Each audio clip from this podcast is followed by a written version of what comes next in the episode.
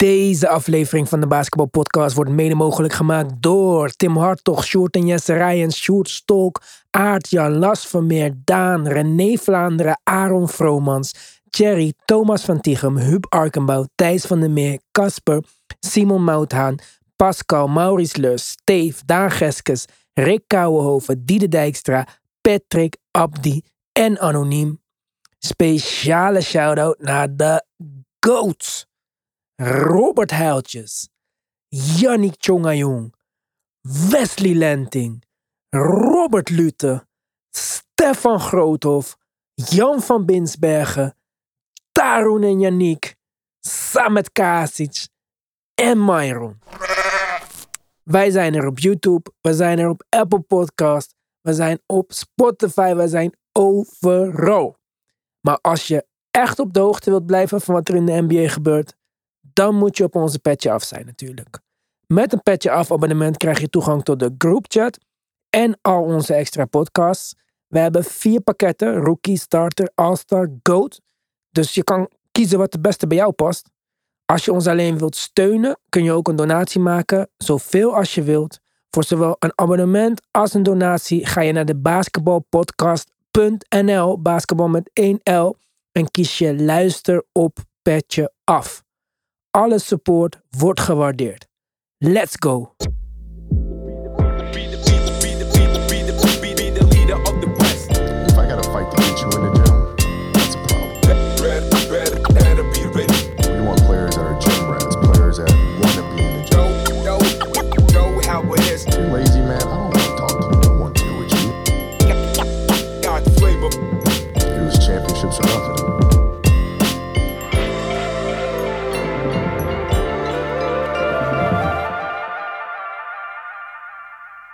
Nash. 18 seizoenen in de NBA.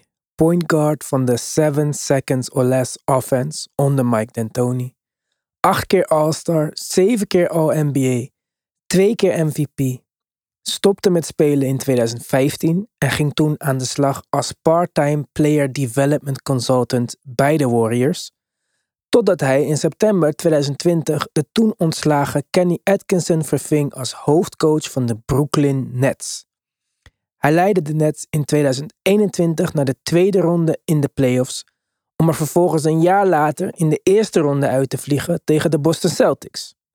Hij heeft als coach een 94-67 record. In die 161 wedstrijden maakte hij gebruik van maar liefst 83 verschillende line-ups. Maar dit jaar beleefde hij wel een erg slechte seizoenstart. De Nets zijn 2 en 5 so far. Misschien was Steve Nash gewoon een beetje te normaal voor de Nets. Ze laten er in Brooklyn overigens geen gras over groeien. Ime Udoka wordt daar binnen gehaald als de nieuwe hoofdcoach. De zoveelste verloren ziel voor de band of misfit Nets. Ik zeg, zijn Josh Primo. Ik hoor dat Miles Bridges nog available is. Kyrie kent Myers Leonard waarschijnlijk wel van de vergaderingen. Trade voor Draymond. Maak de chaos compleet. De Nets hebben momenteel letterlijk een advertentie uitstaan voor een Public Relations Coordinator. Maar ik denk dat Ray Donovan en Olivia Pope samen deze scandaleuze poppenkast niet rechtgetrokken krijgen.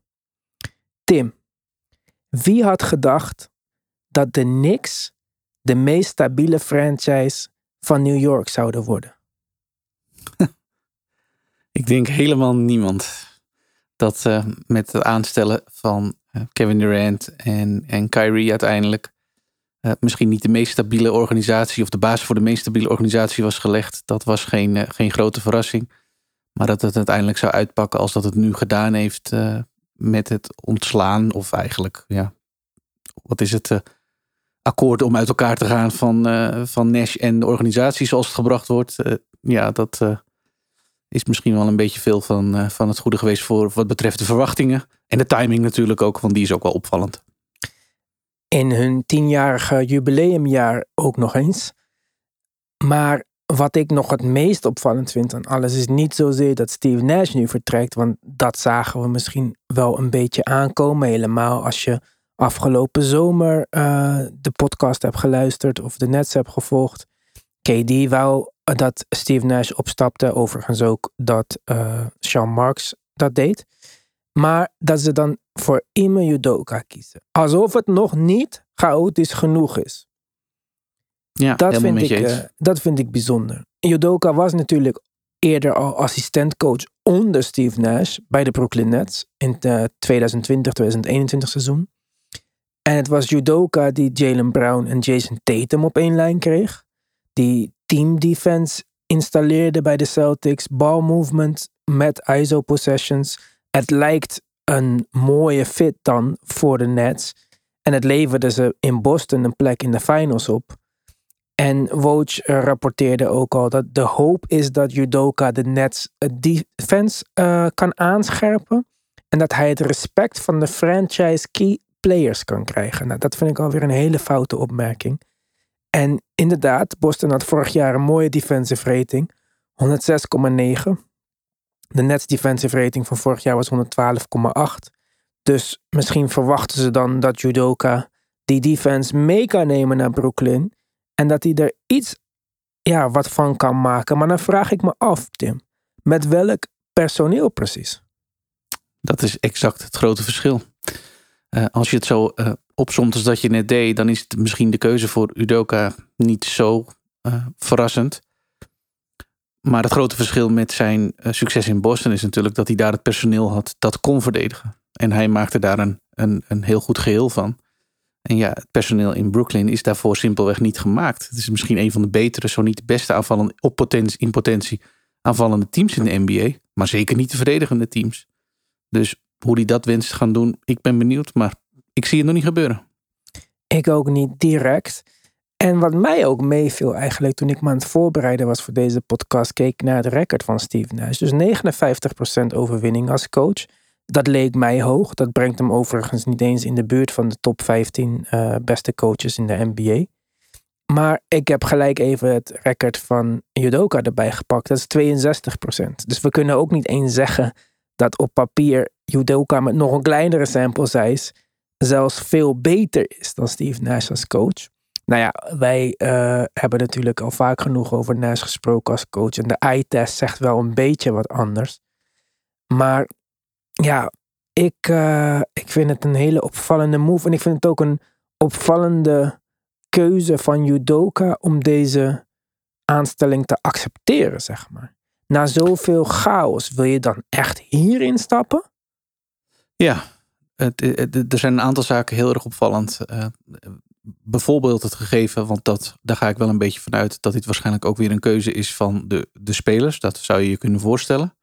Uh, dat die hier toch wel een, zegje in hebben gedaan. Nadat we een zomer hebben gehad waarin die, laten we zeggen, die power dynamiek tussen speler en front office of organisatie al getest was. En waarvan we op een bepaald moment nog zeiden, nou kijk eens, de Nets hebben goed hun rechte rug gehouden. Uh, niet geluisterd naar de, naar de eisen die uh, KD op tafel heeft gelegd daar. En uh, nou, alles is weer een beetje tot bedaren gebracht. Nou, dan duurt het exact zeven wedstrijden het nieuwe seizoen voordat er alsnog gedacht wordt gezegd tegen de coach. En dan hebben de spelers ook nog een zegje, of spelers. Ik neem aan in ieder geval KD. Ik kan me voorstellen dat hij blij zal zijn dat, dat het judoka is geworden.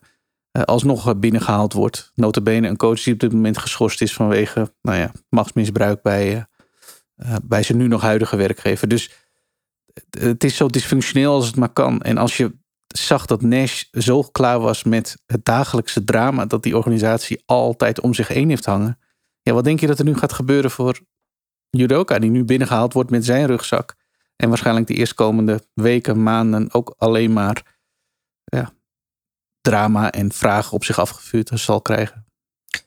En je zei net judoka met instemming van de spelers waarschijnlijk aangenomen. Maar vergeet niet dat Nash ook uh, een KD-hire was, eigenlijk. Ja. ja. Dus ja. waarom zouden we überhaupt deze spelers die macht geven? We hebben dat al gedaan, dat is niet goed verlopen. Maar waarom zouden we dat nu nog steeds doen? Nu dat de hele franchise op imploderen staat, zeg maar. Kyrie beschikt over een aflopend contract. Ben Simmons is een schim van zichzelf en KD heeft afgelopen zomer al een trade request ingediend. En ja, wat, wat ga je doen? Waarom, waarom moet je hem nu gaan vastleggen weer voor een lange termijn? Waarom niet met een interim coach een jaar verder gaan. Zoals ze zelfs in Boston met een interim coach aan de slag zijn gegaan dit jaar. Ja, ik vind dat toch allemaal wel weer opmerkelijke dingen van de Nets. Jij zei net na zeven games into the season. De laatste wedstrijd van Boston, uh, de laatste wedstrijd van Brooklyn wisten ze te winnen. Dus dat vind ik ook een beetje gek. Dat je na een win iemand ontslaat. Dan lijkt het er voor mij toch al op dat dat er misschien eerder in zat. En was deze slechte seizoenstart dan niet gewoon een excuus om alsnog te doen wat ze van de zomer werd gevraagd door Katie? Ja, tuurlijk, 100%. En, en even, ja, ik bedoel, de laatste wedstrijd winnen ze van Indiana, waar ze natuurlijk zo'n miniseries tegen gespeeld hebben. De eerste wedstrijd verloren ze daar, volgens mij was het vrijdag of zaterdag, zaterdag denk ik. Uh, verloren ze daar nog verrassend van. Toen was het drama natuurlijk al redelijk compleet. Player only, players only meeting gehad daarna. Nou, dat is meestal al wel een teken aan de wand. Dat, uh, dat, dat, dat doe je niet zomaar.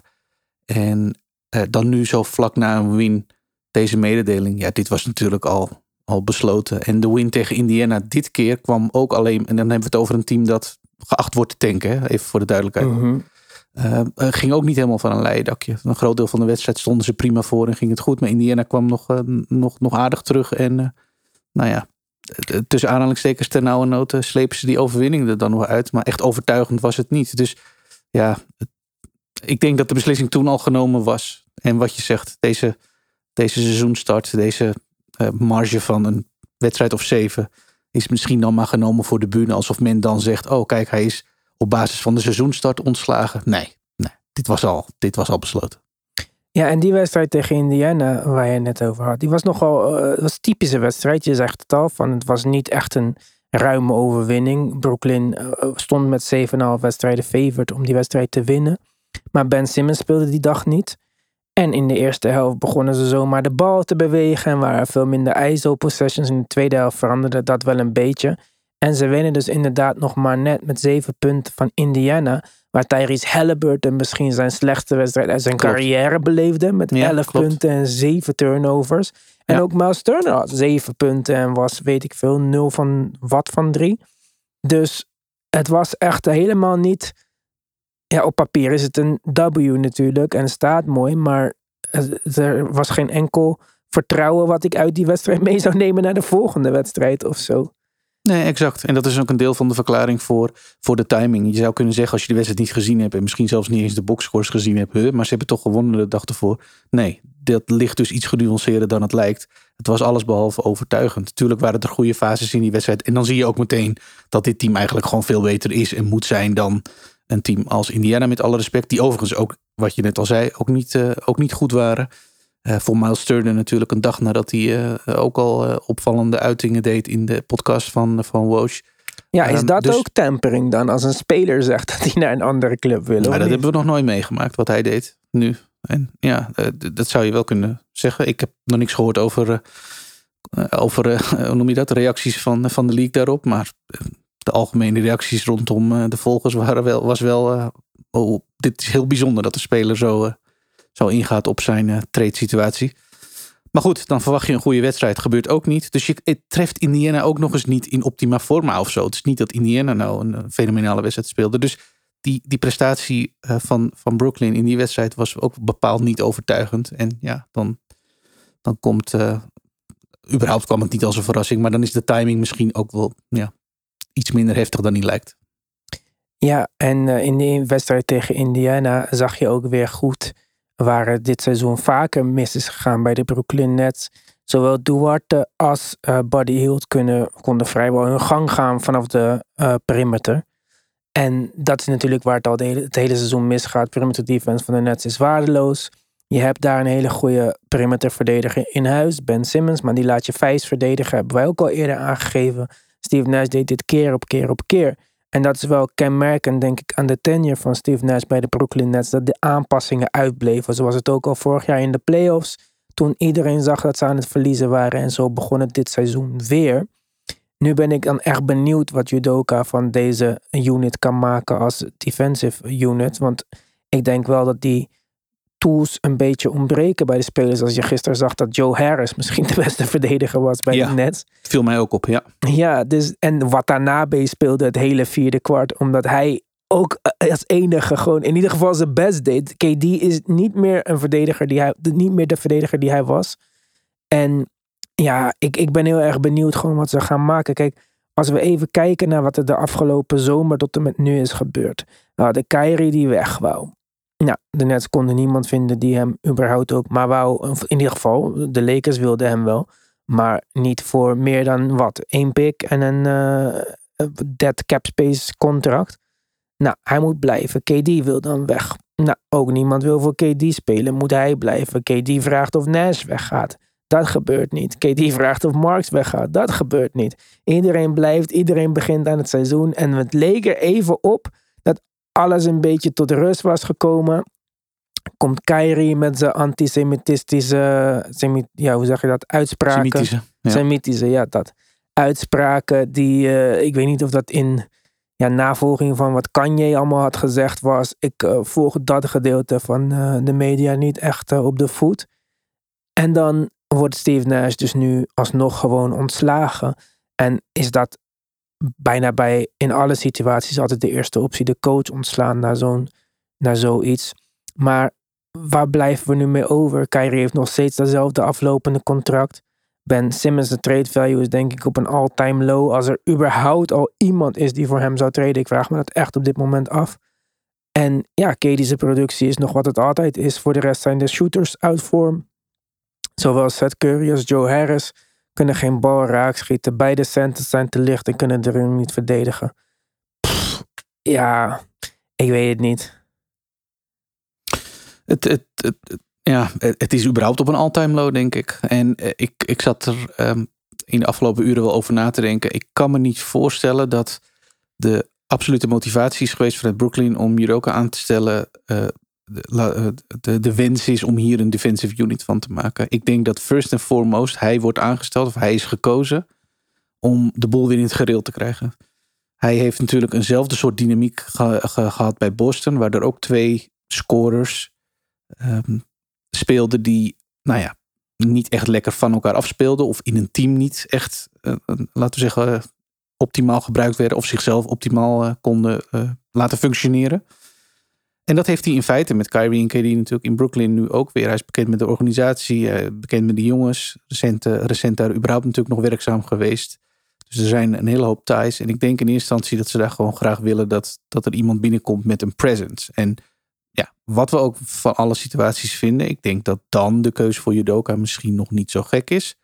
Alleen, ja, de situatie is momenteel wel iets anders dan uh, zo zwart-wit als dat ik het net stelde. Dus waarom ze dan in hemelsnaam toch overgaan op dit soort actie vanuit zo'n organisatie, ik snap dan niet meer wat het beleid is.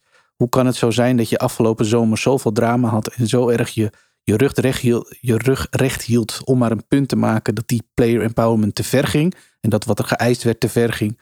Om vervolgens dus nu, waar de daad bij het woord gevoegd moet worden, toch gewoon te doen wat die spelers willen. En toch weer gewoon over te gaan op een soort van, nee, wat zei Katie toen hij terugkwam? We, gaan er een soort partnership van maken. Ja.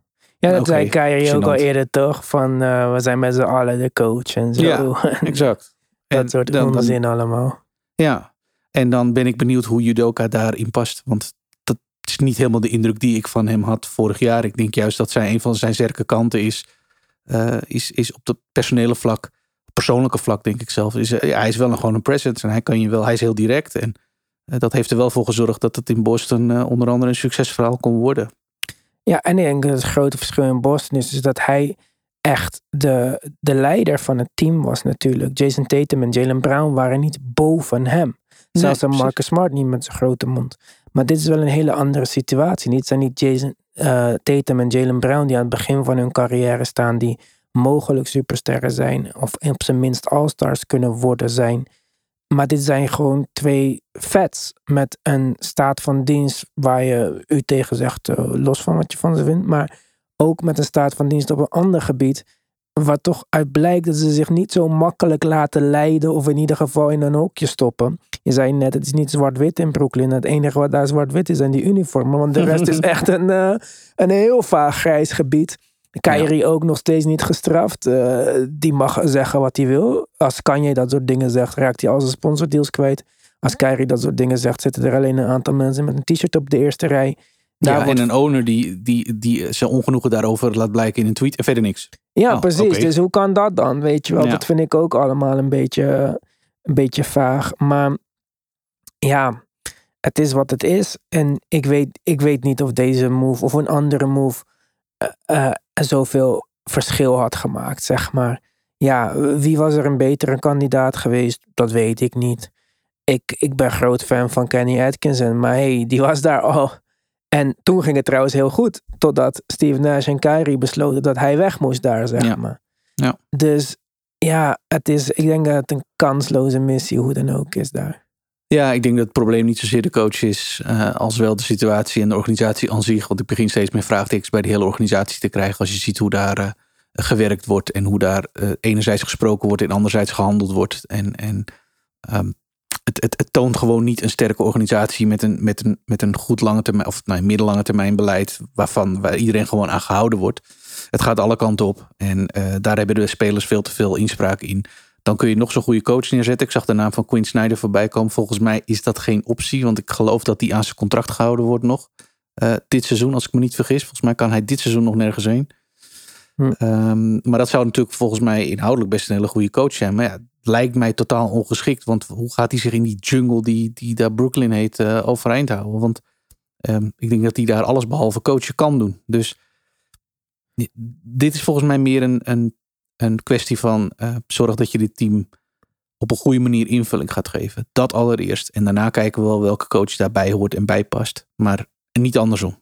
Ja, en nou vind ik ook dat. eh, ik, ik vind Quinn Snyder ook een goede coach. Maar vind ik ook niet dat hij per se de beste job heeft gedaan om de ego's van Mitchell en Gobert te managen samen en zo. Dus Nee. of hij nou zo'n goede pick was geweest voor dat coach, eh, die coachpositie daar, ja, dat denk ik eerlijk gezegd ook niet. Het is gewoon, ik denk dat het een onmogelijke positie is. Ik zou niet weten wie daar, wie ik, ik, ik kan niemand bedenken die daar echt iets van zou kunnen maken. Nee, omdat de situatie niet deugt wat mij betreft. En je zou iemand kunnen bedenken die, nou nogmaals, op personele vlak misschien, of persoonlijk vlak zou ik bijna moeten zeggen, heel sterk is. Nou, dat, dat schijnt uit te zijn. Dus laten we kijken wat daar. eh, maar dan wil nog steeds niet zeggen dat je daarmee de oplossing voor het probleem binnenhaalt. Want die gaat wel iets verder dan een paar ego's managen. Wat een groot deel van het probleem is, prima. Maar zeker niet alles. Om te beginnen, eh, als je dat al voor elkaar zou krijgen, hoe ga je van dit personeel een, een, een hecht de- defensief eh, team maken? Wat volgens mij gewoon praktisch onmogelijk is. Ja, ja dat denk ik eerlijk gezegd ook. Daarom heb ik ook mijn twijfels bij deze aanstelling. En dat hebben ze natuurlijk met Nash hebben ze op het andere gegokt. Want dat was ook duidelijk. En laten we niet vergeten dat het in het begin ook best goed ging. Ze hebben gewoon gegokt op dit team moet aanvallend zo goed zijn dat we die, eh, dat, dat we die defensie eh, niet nodig hebben op het niveau dat, dat normaal gesproken wordt vereist. Want we schieten iedereen gewoon de zaal uit. Ja, in het begin ging het goed. Dit is een, dit is een, eh, een periode, een heel sterk netsteam geweest. Wat zal het zijn geweest? In, nou ja, ik kan me herinneren dat Harden het toen heel goed deed. Die was ook nog engaged.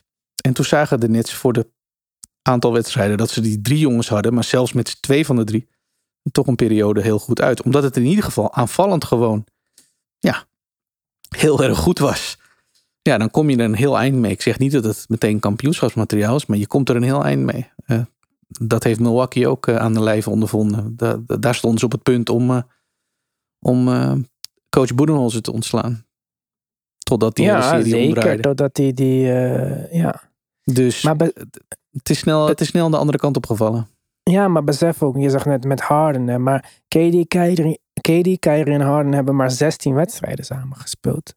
Ja, ja, ja. Dus dat, was, dat waren er niet veel samen. Maar ook in dat seizoen, het grootste deel moesten ze met twee van de drie doen. Totdat zelfs dat ook een beetje eh, wankel werd door eh eh, Harden's injury. Ja, ging het toch nog best, best goed. Dat team kwam ja, met, met de defensieve vraagstukken die ze toen ook al hadden. Zijn ze toch nog redelijk ver gekomen. Alleen ja, eh, daarna viel eigenlijk alles uit elkaar. En zie je dan wat een, wat een slechte basis doet met een team. Op het moment dat het tegen zit of de verwachtingen niet direct worden waargemaakt, dan valt alles ook als. En dat zou misschien een team dat wat beter georganiseerd is en wat op een, op een wat eh, hechter fundament steunt, die zou daar beter op kunnen reageren. Nou, daar was in Brooklyn nooit, nooit sprake van. Ja, dat denk ik ook. Dus nu, wat zijn jouw verwachtingen, Tim? Ik verwacht eh, een hele hoop drama de komende week. uh, weken, moet ik zeggen. Um, en heel weinig aandacht voor uh, het echte coachen wat Judoka uiteindelijk moet gaan doen. Ik verwacht eerlijk gezegd dat hij, als het zover komt, nou ja, misschien wel de meest geschikte kandidaat is om in ieder geval daar die ego's op één lijn te krijgen, voor zover dat mogelijk blijkt. Ik verwacht niet dat Brooklyn een goed verdedigend team gaat worden. En ik kan me ook niet voorstellen dat dit op welke miraculeuze wijze dan ook ineens wordt omgedraaid en alsnog een heel succesvol seizoen wordt. Hm. Maar ik verwacht vooral voor de komende weken. Ja, als je daar als pers aan het werk bent, dan uh, heb je denk ik uh, genoeg om over te schrijven de komende weken. En dat is niet per se heel positief. Nee, ja. Kijk, ik kan denk ik wel voorspellen dat er een soort van verbetering gaat ontstaan. Want dat het daar niet lekker liep en ook niet lekker zat. En dat mensen dus blijkbaar geen respect hadden voor Steve Nash. Ja, dat was wel te zien. Dus het zal allicht iets beter worden. Alleen of het inderdaad zo goed wordt dat ze die title contenders kunnen worden waar wij, ja, dat velen van ons toch misschien op hadden gehoopt. Of in ieder geval dat hadden verwacht. Een jaar geleden of een maand geleden. Ja, dat, dat zie ik niet gebeuren met wie dan ook. Ik ben benieuwd of ze trades gaan maken. En waar ik vooral nou benieuwd ben, is hoe lang Sean Marks daar nog blijft. Ja, dat is de volgende naam die, uh, waar we onze aandacht op moeten houden. Ja, klopt. Dat eh, ben ik ook benieuwd naar. Ja, want het lijkt me toch een vrij kansloze situatie om hem daar nu wel te houden, zeg maar. Ja, als je ziet dat de, dat de eis natuurlijk een package deal was, waarin uh, coach en front office daar van de zomer weg moesten. Wat niet gebeurd is. En nu is de coach alsnog weg. Ja, ja. lijkt mij het geen hele onlogische stap als de volgende, als de volgende aankondiging luidt. Sean Marks ook met een zak geld weggestuurd. Ja, ja wat een, een plaatje. Pannenkoeken, jongen, daar zo. Ja, het is, het is heel opvallend. En wat je zegt klopt natuurlijk ook wel. Het zal ongetwijfeld uh, in de eerste fase na zijn aanstelling uh, beter gaan. Want dat, uh, dat zie je vaak. dat altijd gewoon. Ja, dat is, dat, is, dat is een bekend fenomeen in alle sporten, denk ik. Alleen, ja, hoe sustainable is dat? één. En, en twee, waar gaat het daadwerkelijk toe leiden? Het kan, het kan wat beter gaan, maar betekent dat dat Brooklyn inderdaad contender in het oosten wordt? Ja, ik heb daar grote twijfels over. Maar dat is makkelijk natuurlijk als je ziet hoe dysfunctioneel dit begin van het seizoen was, ja, heb je ook geen goede indruk van het team. En voorafgaand aan het seizoen zei iedereen over de Brooklyn Nets, het kan heel fout gaan, heel slecht gaan. Het kan ook fantastisch goed gaan. Die voorbeelden kennen we ook van, uh, vanuit Brooklyn. En dan uh, spelen ze iedereen, schieten ze iedereen de tent uit iedere avond. En, staan ze ergens in de top, top 3, top 4 van het oosten. Ja, ja. Ik, doe mijn best, maar ik heb er moeite, moeite om dat uh, mezelf voor te stellen. ja. Ja. ja, we gaan het zien, Tim. Ik ben echt benieuwd. Uh, het was een beetje onverwacht. Het gaf ons weer mooie uh, stof om over te praten voor deze podcast natuurlijk. En dat is altijd fijn dat we iets hebben om over te praten. Wij zijn er morgenavond weer met een petje af aflevering en een nieuwe stem waarschijnlijk. Dus dat is ook wel spannend. Even kijken hoe dat allemaal gaat uitpakken. En ik denk dat we voor nu eh, afscheid gaan nemen van jullie. Zijn we er voor de normale luisteraar weer op zondagavond voor de vroege wedstrijd op YouTube. Ga ook ons YouTube kanaal bekijken als je dat nog niet hebt gedaan. Dat kun je doen door gewoon de basketbalpodcast te zoeken op YouTube. Of uh, op de link te klikken op onze website debasketbalpodcast.nl Verder, uh, ja, ik zou zeggen, waar wacht je nog op met die petje af man? Daar is waar het echt gebeurt. Tim Talk komt deze week weer de eerste connect en dus morgen nog een nieuwe podcast. Voor nu bedankt voor het luisteren en tot de volgende keer.